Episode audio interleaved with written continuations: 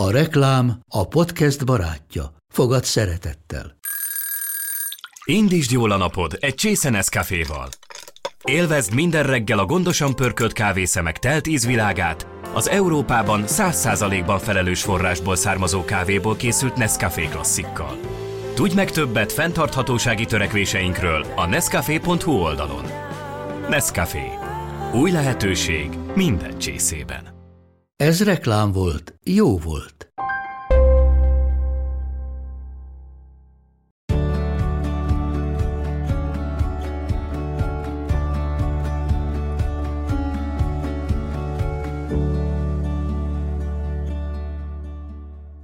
Szeretettel köszöntök mindenkit a Docs Podcast harmadik adásában, a harmadik évadban.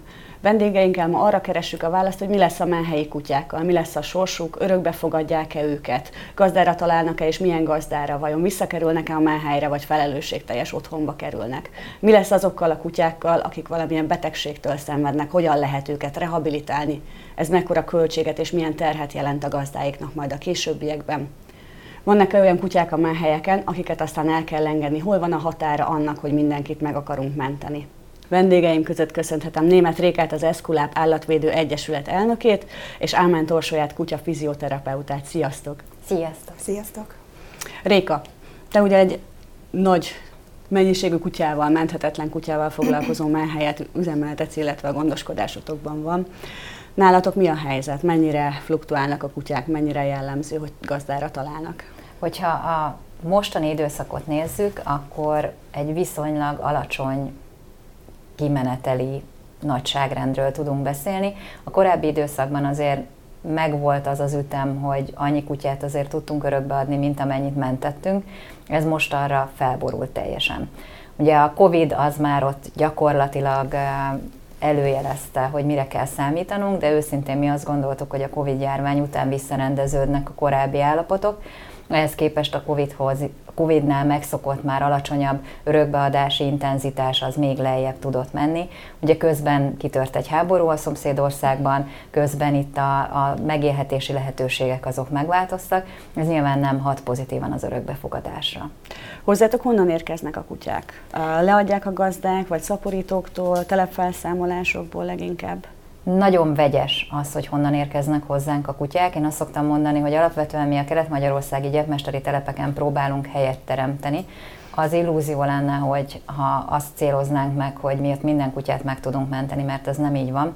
Viszont az ottani állapotokat, azokat összességében nézve muszáj, hogy mindenki számára láthatóvá tegyük, és azzal, hogy mi onnan mentünk, egy kicsit betekintést engedünk abba is, hogy a, a társadalmi viszonyok azok hogyan hatnak arra, hogy milyen kutyák és milyen intenzitással jelentkeznek egy-egy mesteri telepen. Természetesen kerülnek hozzánk gazdáktól is kutyák, ez mindig nehezebb, mert itt ugye a gyepmesteri telepnél ugye a jogszabályok feloldják magukat ezeket a tulajdonjogi aggályokat, tehát a gyepmesteri telepről a lejárati idő után hozunk ki kutyát, akkor az tulajdonjogilag rendezett. Amikor gazdától hozunk el kutyát, akkor ezt azért kicsit komolyabban körbe kell járnunk, mert a, a tulajdonjog az egy ilyen nagyon speciális kategória az állatok értelmében. Nem feltétlenül az a tulajdonosa, akire a csip van, nem feltétlenül az a tulajdonosa, akinek az oltási könyv van, úgyhogy nagyon résen kell lennünk, hogy ne a szomszéd kutyáját vegyük gondozásba, ne egy vállásban legyünk mi azok, akik bevonódnak azáltal, hogy valamelyik fél ezúton oldja meg a problémát, úgyhogy gazdától egy kicsit mindig nehezebb és nagyobb körültek áttekintéssel járó dolog, még akkor is, hogyha egyébként lemondó nyilatkozatot íratunk. És természetesen mi is bekapcsolódunk a szaporító telepi felszámolásokba. Ugye alapvetően ott a tacskoknál szoktak szólni, hogy segítsünk, de értelemszerűen, hogyha olyan kutya van, akiben mi így látunk potenciált és el tudjuk felelősen helyezni, akkor természetesen segítünk máskor is. Azért az eszkulápról az a hírjája szerintem, hogy a menthetetlen kutyák is nagy részt hozzátok kerülnek, mert értetek hozzá, nagy szívetek van, megoldjátok mindig, hogy hely legyen. Ez valóban így van? Igen, igazából az Egyesület alapításakor is ez volt a célkitűzésünk, hogy olyan kutyáknak is esélyt adjunk, akiknek eset, esetleg már mások nem tennék meg, és hogy soha ne befolyásolja a működésünket az, hogy hely van-e valaki számára, vagy sem. Mindig is azt mondtuk, de szerintem ezt így elég sokan is olvashatták, akik esetlegesen követnek minket a közösségi médiában, hogy aki kapun belül van, az már biztonságban van. Ez azt is jelenti, hogy azokért a kutyáinkért is oda tesszük magunkat, akik nem várt vagy előre látható problémával érkeznek. Orsi, hozzád, mint fizioterapeutához mentett kutyák eljutnak-e, vagy inkább a gazdis kutyák, folytatiszta kutyák azok, akiknek a gazdái igénylik ezt a szolgáltatást? Hát a legtöbb páciensemnek van saját gazdája. Régebben tudtam fogadni olyan kutyusokat, akik ideglenes befogadónál voltak, de, de a legtöbbjük gazdás Viszont a 90%-ukra azt mondanám, hogy amúgy helyről van, nem pedig bármilyen módon vásárolt kutya. Akik örökbe fogadnak, azok jóval felelősségteljesebben állnak aztán a, a kutyáik egészségéhez, gondozásához, gyógyításához. Az az igazság, hogy én egy kicsit másképet látok ebből a kutyatartásos dologból, mert akik hozzám elkerülnek, ők már egy kicsit más, más szinten vannak.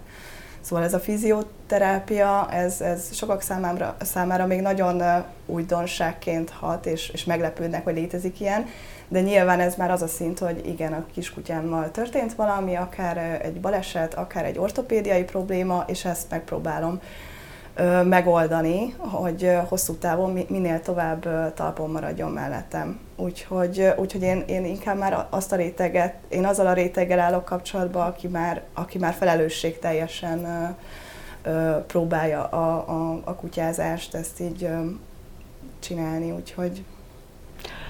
Réka, a, a menhelyi örökbefogadások nagy része az ilyen felelősségteljes gazdi, vagy azért vannak olyanok, akik csak így beleugranának abba, hogy legyen egy kutyájuk? Mm, is is. Ugye mi elég szigorú feltételekkel adunk örökbe, úgyhogy nálunk ez az ilyen beleugrunk azonnal típusú dolog, ez, ez azért nem mérvadó, de látjuk azt, hogy ahol be lehet menni, azt lehet mondani, hogy őt szeretném, lepapírozzák, akkor ott ugye az emberek azért hoznak olyan döntést, ahol nem veszik figyelembe sem a saját képességeiket, sem a kutya igényeit, sem pedig a jövőbeli elképzeléseiket úgy általában az életről. Tehát, hogy van egy, van egy ilyen belülről fakadó igény arra, hogy, hogy tegyünk valami jót, és, és nagyon sok ember esetében ez, ez abban testesül meg, hogy akkor fogadjunk örökbe egy kutyát, viszont ehhez az örökbefogadáshoz így egy kicsit ilyen amerikai filmet is társítanak a fejükbe, hogy ott minden tökéletes lesz, a kutya hálás lesz, hogy örökbe fogadták, az életükben nem fog semmilyen olyan változást hozni, amit ők egyébként nem kívánnak, Ilyenkor azért érheti őket csalódás. Nálunk vannak előzetes szűrések, emiatt ugye meg szoktuk kapni, hogy kutyát örökbe fogadni nehezebb, mint gyermeket.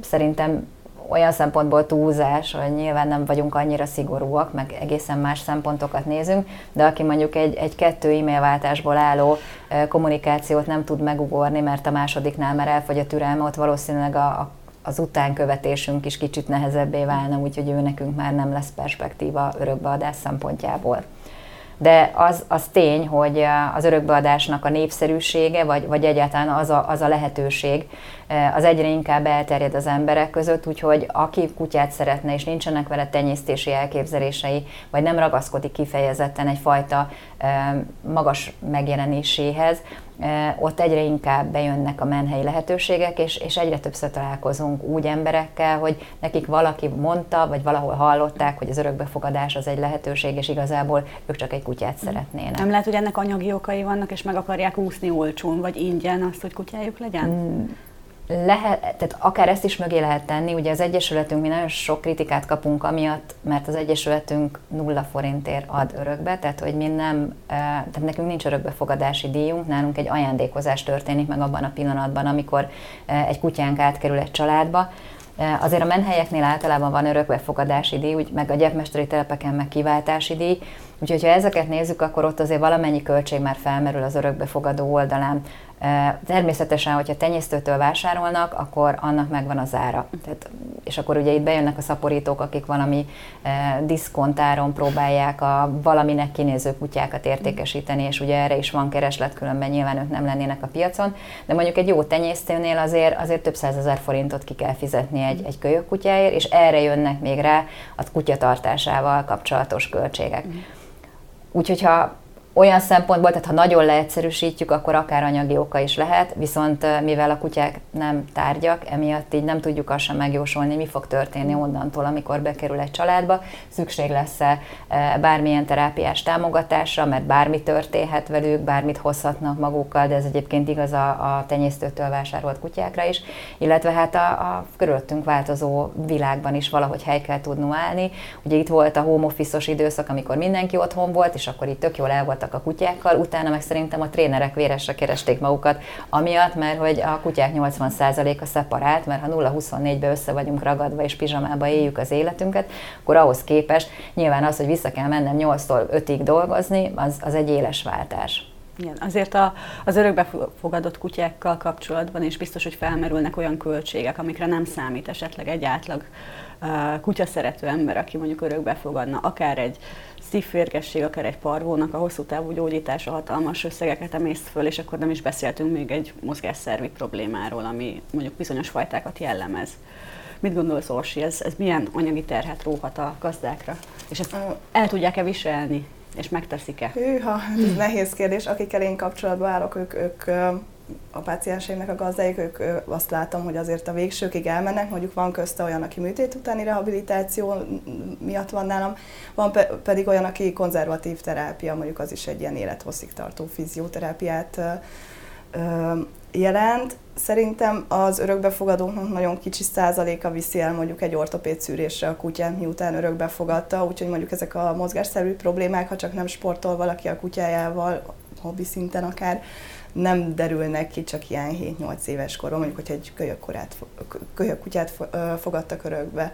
Úgyhogy, úgyhogy ezek csak így később lépnek föl. Nyilván vannak fajták, amikre jobban jellemző mondjuk a, a tacskókra, buldogokra, a gerinc problémák, ezekre a pici kutyákra a tér problémák a jellemzők, a labradorokra leginkább a kölyökdiszplázia jellemző, de amúgy ők nagyon a csípő, csípő is Német juhászok tipikus betegsége, ugye a csípődiszplázia, ott a, a csánknál is szokott probléma lenni, a, a csapott gerinc miatt, könyökdiszplázia. Mm, hát van a, a, a legtöbb gerincbetegség, valószínűleg a tacskók és a buldog típusú mopszok teszik ki, az ilyen apró kutyáknak a, a tipikus betegségei, a térproblémák. Nagyon divatosak mostanában ezek a teacup méretű apró kutyák. Ugye akkor rájuk is az, az, az vár valószínűleg, hogy a gerincük, lábaik azok nem bírják azt a terhelést, azt a, azt a körülményt, ahogy a, akár városban, mert ugye jellemzően nem falun tartják ezeket, Igen, lépcsőzést, ilyesmit. Illetve náluk van egy, egy betegség, ami a comcsont egész egyszerűen elhal, és ez borzasztó fájdalommal jár, ez, ez is a tojkutyáknak a tipikus betegsége, úgyhogy az a, a, egyből egy, egy óriási műtét, egy szomcsol fejezéssel jár, aminek azért lassú a felépülése, főleg ezeknél a, a, ezekkel a kiskutyákkal általában azért picit nehezebb dolgozni. Mit tapasztalsz, Réka, hogyha Kelet-Magyarországon jártok, hogy van különbség a budapesti kutyatartói gyakorlat és a vidéki között? Tehát, hogy azért, hogyha valaki lakásban saját ágya mellett, ágyában együtt aludva tartja a kutyáját, vagy a kert végében láncon. Fizikai adottságok azok meghatározzák azt is, hogy, hogy, hogy, hogy, hogy hogyan tartjuk a kutyákat. Tehát itt azért elég nehéz egy vasordot kipattintani a harmadik kerület közepé, hogy akkor én buksit itt fogom tartani holnaptól. Tehát, hogy valószínűleg azért elég sokan jeleznék, hogy ez így mondjuk nem annyira PC, hogy eh, oda van láncolva a kutya. Vidéken, vidéken még igazából teljesen más funkciókban tartanak nagyon sok helyen kutyát, de szerintem ebben azért így jövünk, jövünk szépen fel. Eh, ahogy egyébként a, a közösségi médiában egyre nagyobb figyelem jut ezekre az esetekre, szerintem úgy változik ennek a megítélése, és ami, és ami korábban teljesen normális volt, hogy a szomszédban eh, nem megfelelő körülmények között volt egy kutya, azt most már bejelentik, tehát el tudnak indulni a, a lépések a kutya érdekében. Itt ugye nagyon nagy szerepe lenne az edukációnak is, és ez nem centralizált vagy nem vidékre kiterjedő probléma, hanem általánosságban kellene az állattartással kapcsolatban valamilyen iskolarendszer beépített oktatásnak megvalósulnia, mert alapvetően Szerintem sokkal inkább a fizikai tér és az információkhoz való hozzáférésnek a lehetősége az, ami meghatározza az eltérő tartási körülményeket, illetve hát az, hogy vidéken nagyon sok helyen funkcióban vannak a kutyák, tehát hogy területet őriznek, patkányokat írtanak ki meghatározott mezőgazdasági területeken. Itt ezek a funkciók, ezek hobbi szinten vannak nagyon maximum jelen, tehát hogy Budapesten azért nem kell a tacskókkal patkányok után mhm. futkosni, legalábbis egyelőre még nem. Egyébként jellemző, hogy kerülnek hozzátok olyan tacskók akár, akiket így munkára fogtak, és valahogy a ta- aztán a szocializálni ter- kell őket igen, városi kutasságra? Tacskókból, terjerekből viszonylag sok kerül így hozzánk, eh, mert hogy vidéken ők tényleg fogyóeszközök, tehát hogy ők a mezőgazdasági területeknek, a kukoricagóréknak a patkánymentesítésére eh, vannak, meg hogy távol tartsák a, a kisebb-nagyobb rákcsálókat, akik ott úgy felbukkalhatnak. Eh, viszont ugye a szocializációjuk így nem emberhez történik meg, meg ők így azért elég, elég magas, rákmányos ösztönnel érkeznek hozzánk. Ezeket a típusú kutyákat azért úgy, hogy mondjuk így a hazavész és lerakod az ágyad mellé, azért az nem biztos, hogy egy sikersztori lesz, hogyha ez, ez mindenféle átmenet nélkül történik meg, úgyhogy igen, itt, itt, itt kell valamilyen átmenetet biztosítanunk. És hogyan tudjátok szocializálni őket, hogy aztán, mivel nyilván ti Budapest környékén vagytok, tehát valószínűleg ide is adtok örökbe élva részt. Mm Meglepő módon egyébként az egész országban vannak kutyáink, tehát hogy tőlünk így az ország területéről bárhonnan tudnak örökbe fogadni. Nagyon sokszor olyan vicces helyzetek állnak elő, hogy az adott település gyepmesteri telepéről hoztunk ki egy kutyát, és nagyjából oda is adjuk uh-huh. örökbe egy másik családnak, mert hogy ezek a szálak ott helyben nem tudnak összeérni, vagy pedig kell még egy olyan tevékenység, amit ugye mi tudunk biztosítani.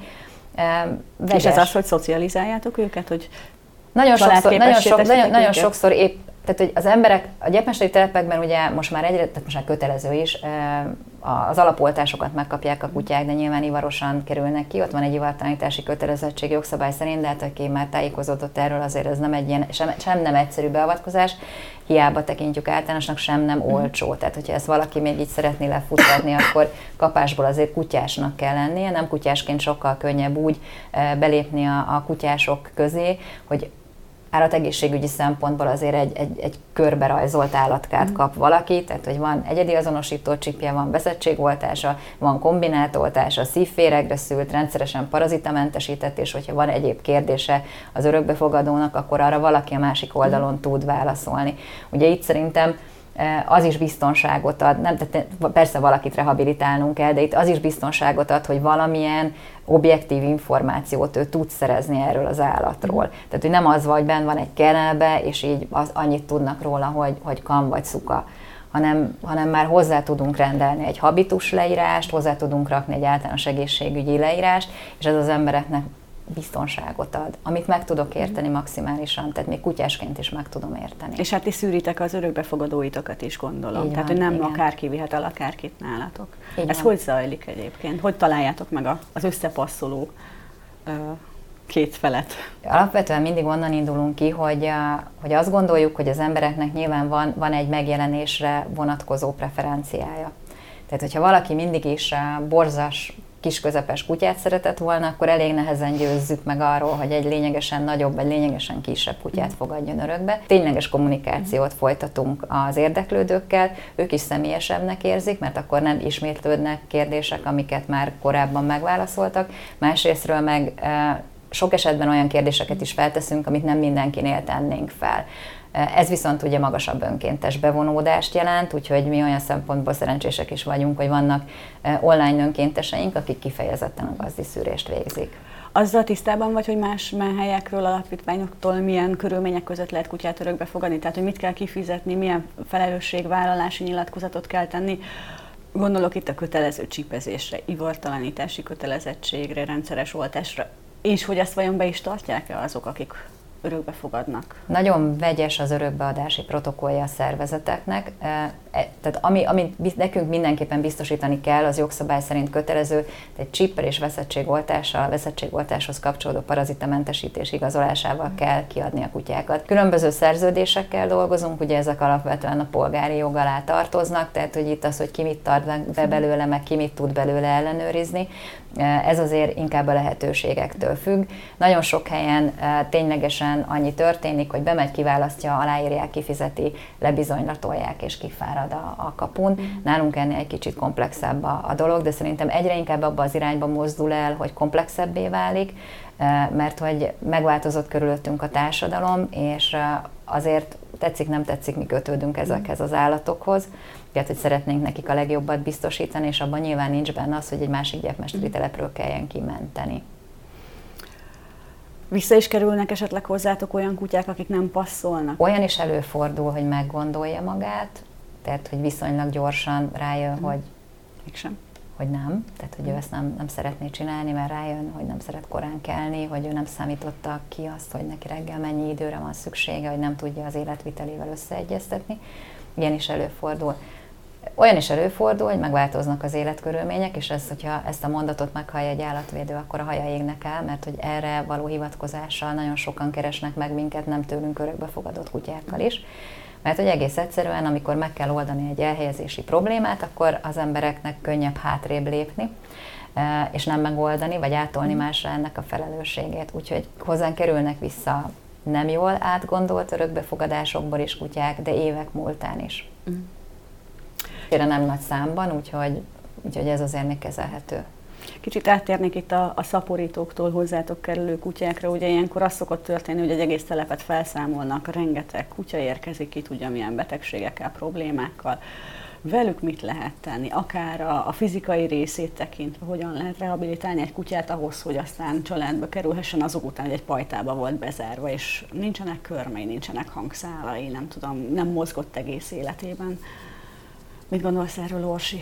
Hozzád került már olyan kutya, aki ilyen tényleg nagyon borzasztó körülmények közül érkezett? Szerencsére nem. Én meg uh, igazából én azt sem nagyon tudom sokszor megállapítani, hogy amikor egyfajta tiszta kutyához megyek, nyilván a gazdát kérdezem arról, hogy uh, honnan van a kis kutya, mióta van nála, ilyesmik, és abból le tudok vonni egy következtetést, hogy ő ténylegesen egy tenyésztőtől származik, vagy, vagy pedig egy, egy szaporítótól és, és azért az a tapasztalat, hogy aki, én is úgy gondolom, hogy tenyésztőtől származik, általában azokkal a kutyákkal csak ilyen 14-15 éves korban nagyon idősen találkozom, mm. olyan pacienseim vannak, vagy valamilyen trauma során, mondjuk egy elüti az autó, neki megy a futtatóba egy, egy padnak, ilyesmi szintű sérüléseknél.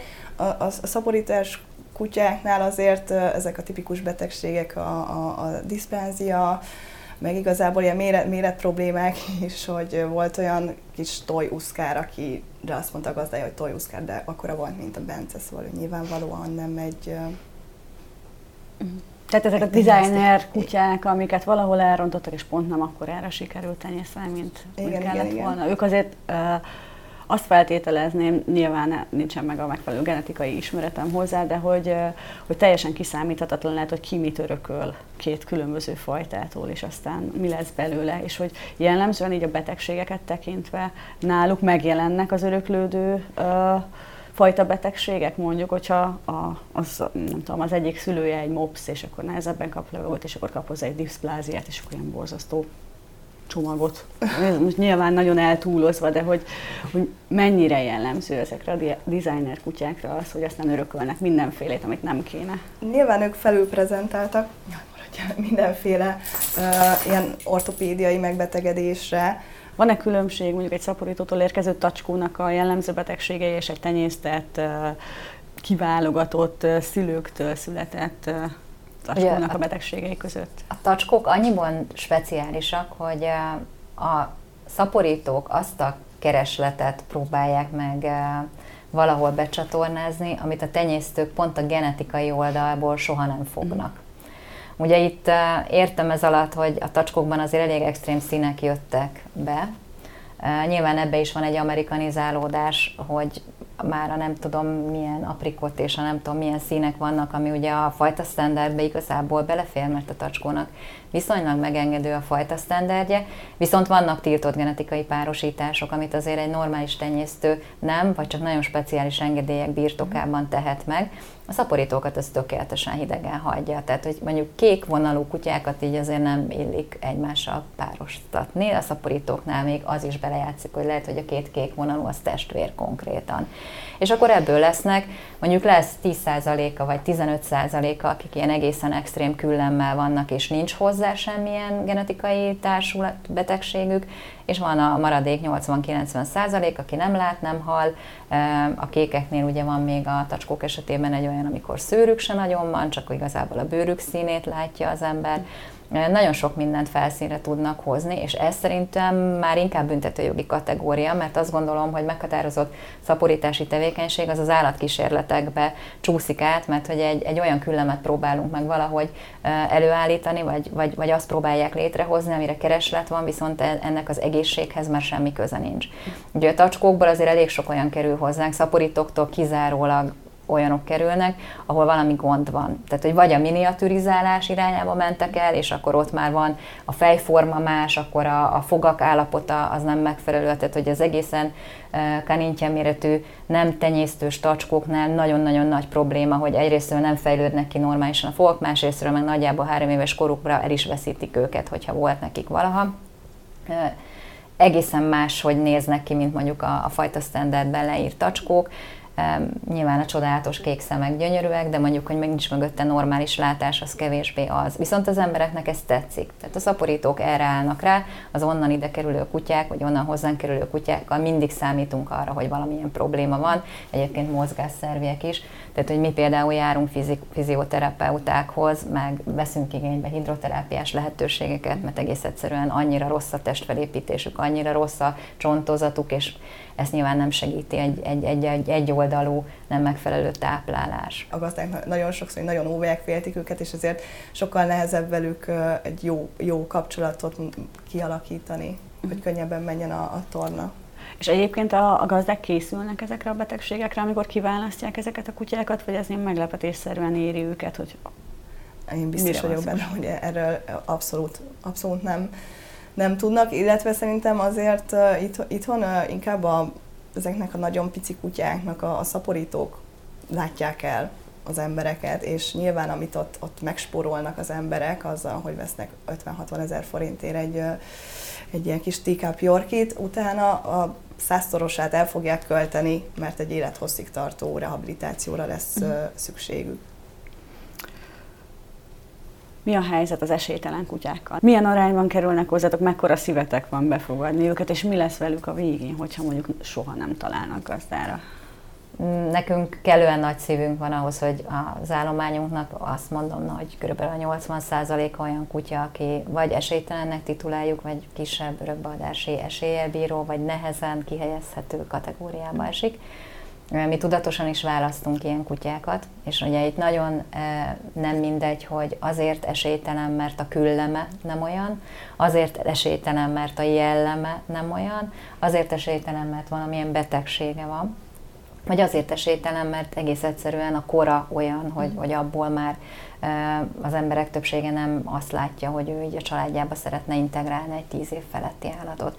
Tehát, hogy az esélytelenségnek is, mint a szürkének van 50 árnyalata, szerintem az esélytelenségnek is van legalább 100 árnyalata, és ugye itt a mi esetünkben a tudatos választás az egy tudatos információ átadást is von magával, tehát hogyha így valaki követi a mi egyesületünk működését, akkor azt is láthatja, hogy kvázi brendeljük ezeket a kutyákat, akik kisebb eséllyel bírnak, visszük magunkkal különböző rendezvényekre, amit a kutya, a kutya elbír, illetve beszámolunk a rehabilitációs folyamatról, hogyha viselkedési problémáról van szó, hogy lássák az emberek, hogy egyszerűen ezekben a mi lehetőségeink lényegesen korlátosabbak, mint mondjuk egy, egy örökbefogadó gazdé lenne, és hogy még így is Nincs. megpróbálunk előre, előre lépni.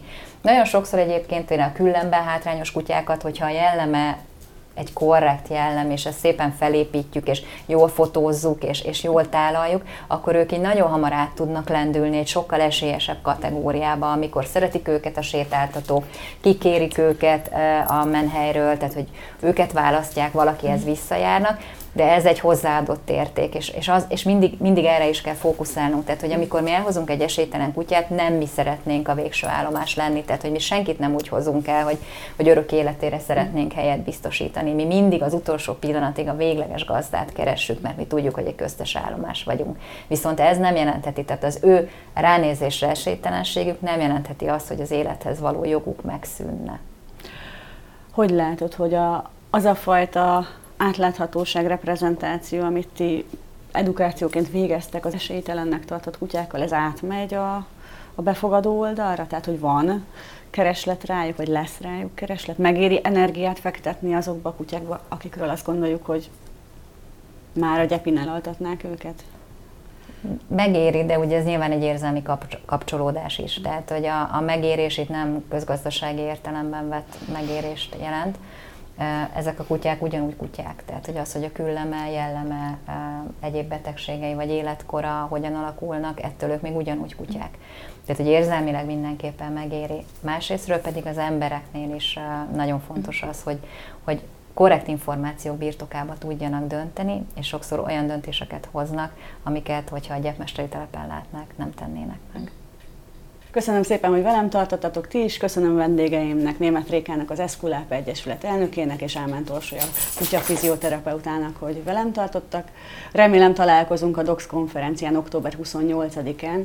Hogyha szeretnétek informálódni róla, a www.azénkutyám.hu per DOX oldalon megtaláltok mindent. Sziasztok!